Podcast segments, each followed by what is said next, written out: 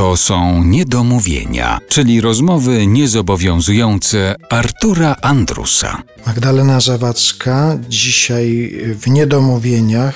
A jeszcze nawiązując do tych spraw rodzinnych, czy kiedy syn jeszcze mieszkał razem z państwem, był tym mniejszym Jaśkiem niż teraz jest Janem, to czy takie rozmowy na tematy zawodowe z panią, z, z mężem odbywały się w domu, czy ta chęć podążania własnym tropem, jeżeli chodzi o naukę tego zawodu, o zdobywanie kolejnych etapów no, sztuki operatorskiej, powodowała, że tego tematu się nie poruszało w domu?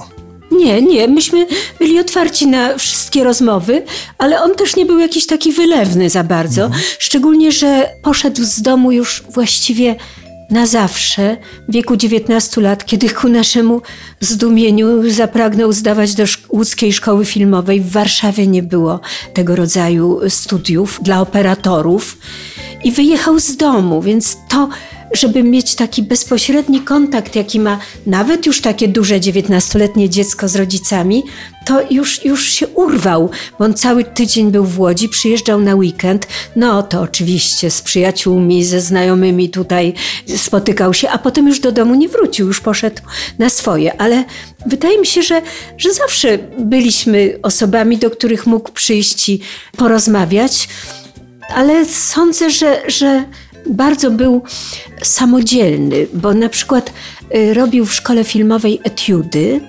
No to było w ramach y, wykładów, w ramach nauki, które nam pokazywał.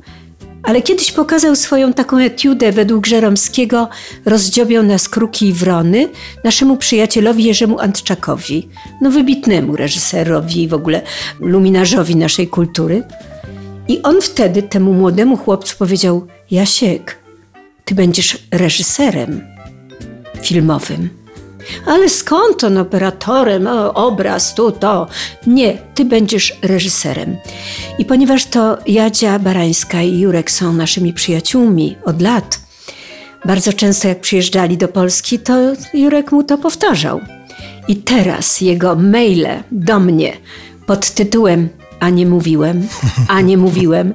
Gratulacje nieprawdopodobne od Jadzi, która jest jego chrzestną matką i od Jurka, który kibicuje jemu. Są wzruszające.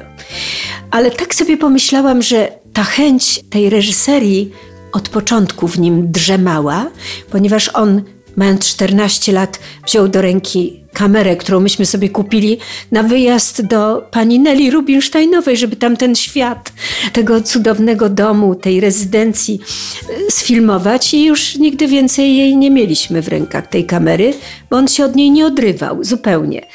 Gdzieś w nim drzemała ta reżyseria, bo on nawet chciał zdawać na wydział reżyserski, ale tu myśmy wkroczyli. Powiedzieliśmy, słuchaj, jak będziesz miał zawód operatora, to zawsze możesz być reżyserem.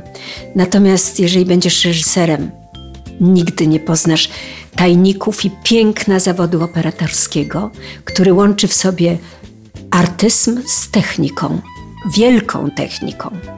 Przepraszam, korci mnie, żeby w tym miejscu naszej rozmowy wprowadzić taką dygresję i poprosić panią o wspomnienie tego spotkania z Nelly Rubinstein. Miałam przyjemność poznać żonę Artura Rubinsteina w okolicznościach y, ekskluzywnych, ponieważ byliśmy z Gustawem i z naszym 14-letnim Jasiem gośćmi ich domu w Marbei.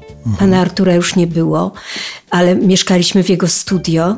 I tam stał jego fortepian i przecudowne zdjęcia z królem Hiszpanii, z wielkimi tego świata. Jasiek czternastoletni zasiadł do fortepianu Artura Rubinsteina i odbębnił na nim kotlety, łumpam, pumpam.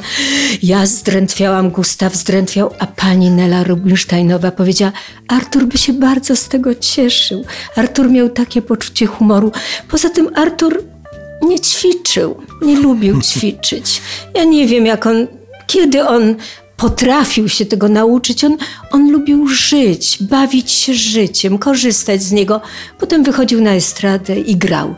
To, że on się mógł pomylić, nie miało żadnego znaczenia, bo to nie w tym była jego wielkość. Są ważniejsze rzeczy. Oczywiście.